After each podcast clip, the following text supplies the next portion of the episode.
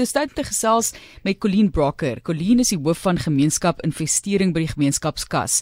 Gemeenskapskas is al jare in die gang. Hulle doen wonderlike werk. Daar is verskeie projekte wat onder hulle sambreel val en ons kyk na verskillende provinsies, maar die fokus op Lights On After School, 'n projek wat hulle het waar hulle fokus op na-skoolaktiwiteite om skooliere so ook gemotiveerd te hou gedurende die jaar en ja, ons dink ook maar net aan die rol wat hulle gespeel het in die afgelope tyd ook baie welkom aan jou Colleen. Baie dankie Martelies. Net vir mense wat nie weet wie gemeenskapskas is nie, dit is al vir baie jare in die gang. Asseblief gee net vir ons 'n idee van wat julle doen. Ehm um, ja, gemeenskapskas ehm um, Community Chest ehm um, is al omtrent 'n 90 jaar oue organisasie. Ehm um, ons werk met donateurs, die nuwensgewende ehm um, sektor. Ehm um, het verskeie projekte wat ons doen, eh uh, beurse wat ons bied aan studente um, en verskeie professionele dienste wat ons lewe reg oor die land. Ehm um, ja, en ons het verskeie vennootskappe wat ons saam mee werk. Ehm um, en dit is ons 'n groot voorreg om vandag met die luisteraars te gesels. Nou kyk, ek weet daar waar ek op laerskool was, was daar die naskool, baie bekend en mm. ons het baie tyd ook daar spandeer.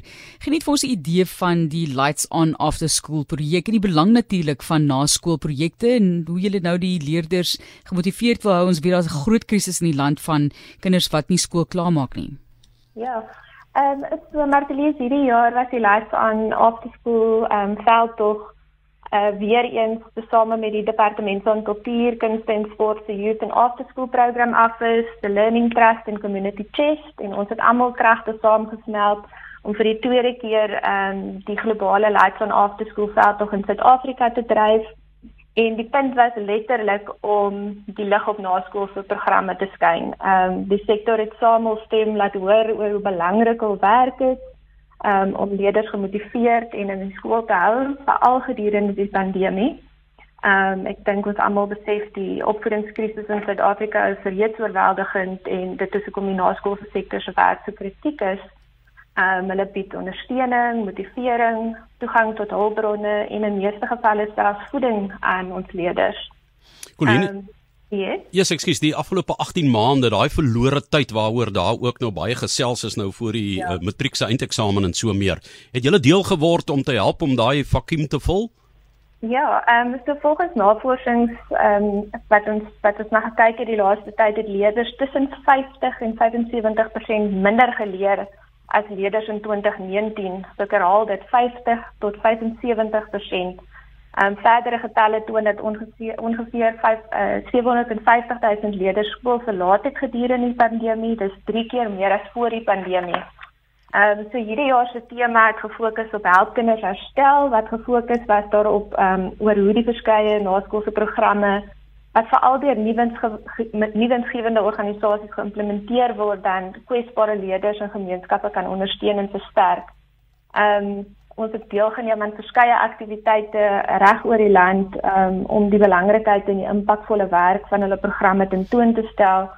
Ehm um, ja, en dit was regtig ongelooflik om te sien watter aktiwiteite ons ontvang het. Ja, Colleen, kon jy sien dat uh, vers, provinsies verskillend reageer het op kom ons noem dit nou hierdie beurtkrag in hulle leerproses die uh, pandemie jy weet wat dan uh, is onderwysers nie beskikbaar nie dan was daar 'n kontak dan mag die klas net aanlyn almal het nie daai fasiliteite nie is daar verskillende strategieë wat jy moes aanwend in verskillende provinsies En um, ja, jy weet, ons moet kyk veral na teenwerking van skoon uh, van skoolverlating gedurende hierdie tyd.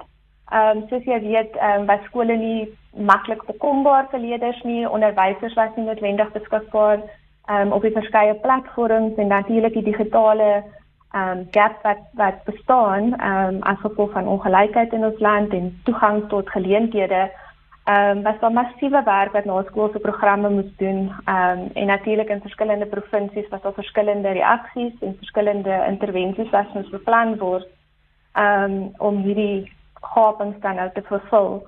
Ehm um, ons het veral gesien vallende literatuurgevalle. Ehm um, ons sit reeds met 'n krisis rondom dit. Ehm um, en ons moet toe hierdie hierdie naskoolse programme het ons die geleentheid gegee om dan aan leerders 'n uh, ondersteunende omgewing te skep um, waar hulle toegang kon hê tot hulpbronne, voeding, ehm um, uh, uh leerders leerderondersteuning en so voort Ehm um, en jy weet die die realiteit is dat selfs buite die krisisse wat ons ervaar in gedurende die gedurende die pandemie ehm um, is naskoolse programme alreeds so belangrik. Ehm um, ons kyk na sport en rekreasie. Dis nie net die ontwikkeling van die land se se se leerders nie, maar dit is ook ons toekomstige sportsterre, ons afrigters. As ons kyk na lewensvaardighede, dis ons toekomstige leiers, ehm um, sterk akademiese grondslae lewer ons met uh, wetenskaplikes, dokters, opvoedings en ingenieurs op Ehm um, so ons sit met 'n groot krisis en hierdie naskoolse programme het werklik ehm um, ek wil amper sê tot die voorgrond gekom gedurende hierdie pandemie. Ehm um, selfs meer as wat hulle in die verlede het. En dan die belang ook van buitemuurse aktiwiteite hy net ek weet dis ook 'n deel van opvoeding, maar dit is nie net akademie nie, jy het ander projekte ook waar daar gefokus word op kuns en kultuur.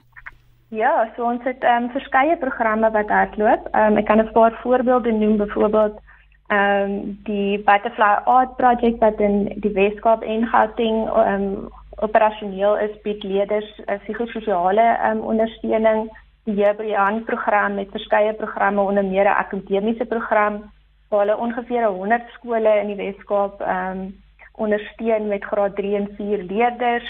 Ons het verskeie sport ehm um, programme wat hardloop en wat hierdie leerders dan ook ek wil amper sê 'n opvangsplatform ehm um, raak om hierdie leerders dan na verskeie ander programme ook te te ehm um, te lei waar hulle verdere ondersteuning nodig het. In die Ooskaap ehm um, waar literatuurvlakke regtig die laaste in die land is op hierdie stadium ehm um, is daar byvoorbeeld Massi Histansani organisasie en hulle bied kritiese naskool literatuurprogramme vir leerders. Um ongeveer 20000 ure van sessies vir individuele leerders en hulle duisende boeke wat leerders aan toegang het. Um byvoorbeeld om na hulle huise te neem en toegang tot tot verdere hulpbronne te hê.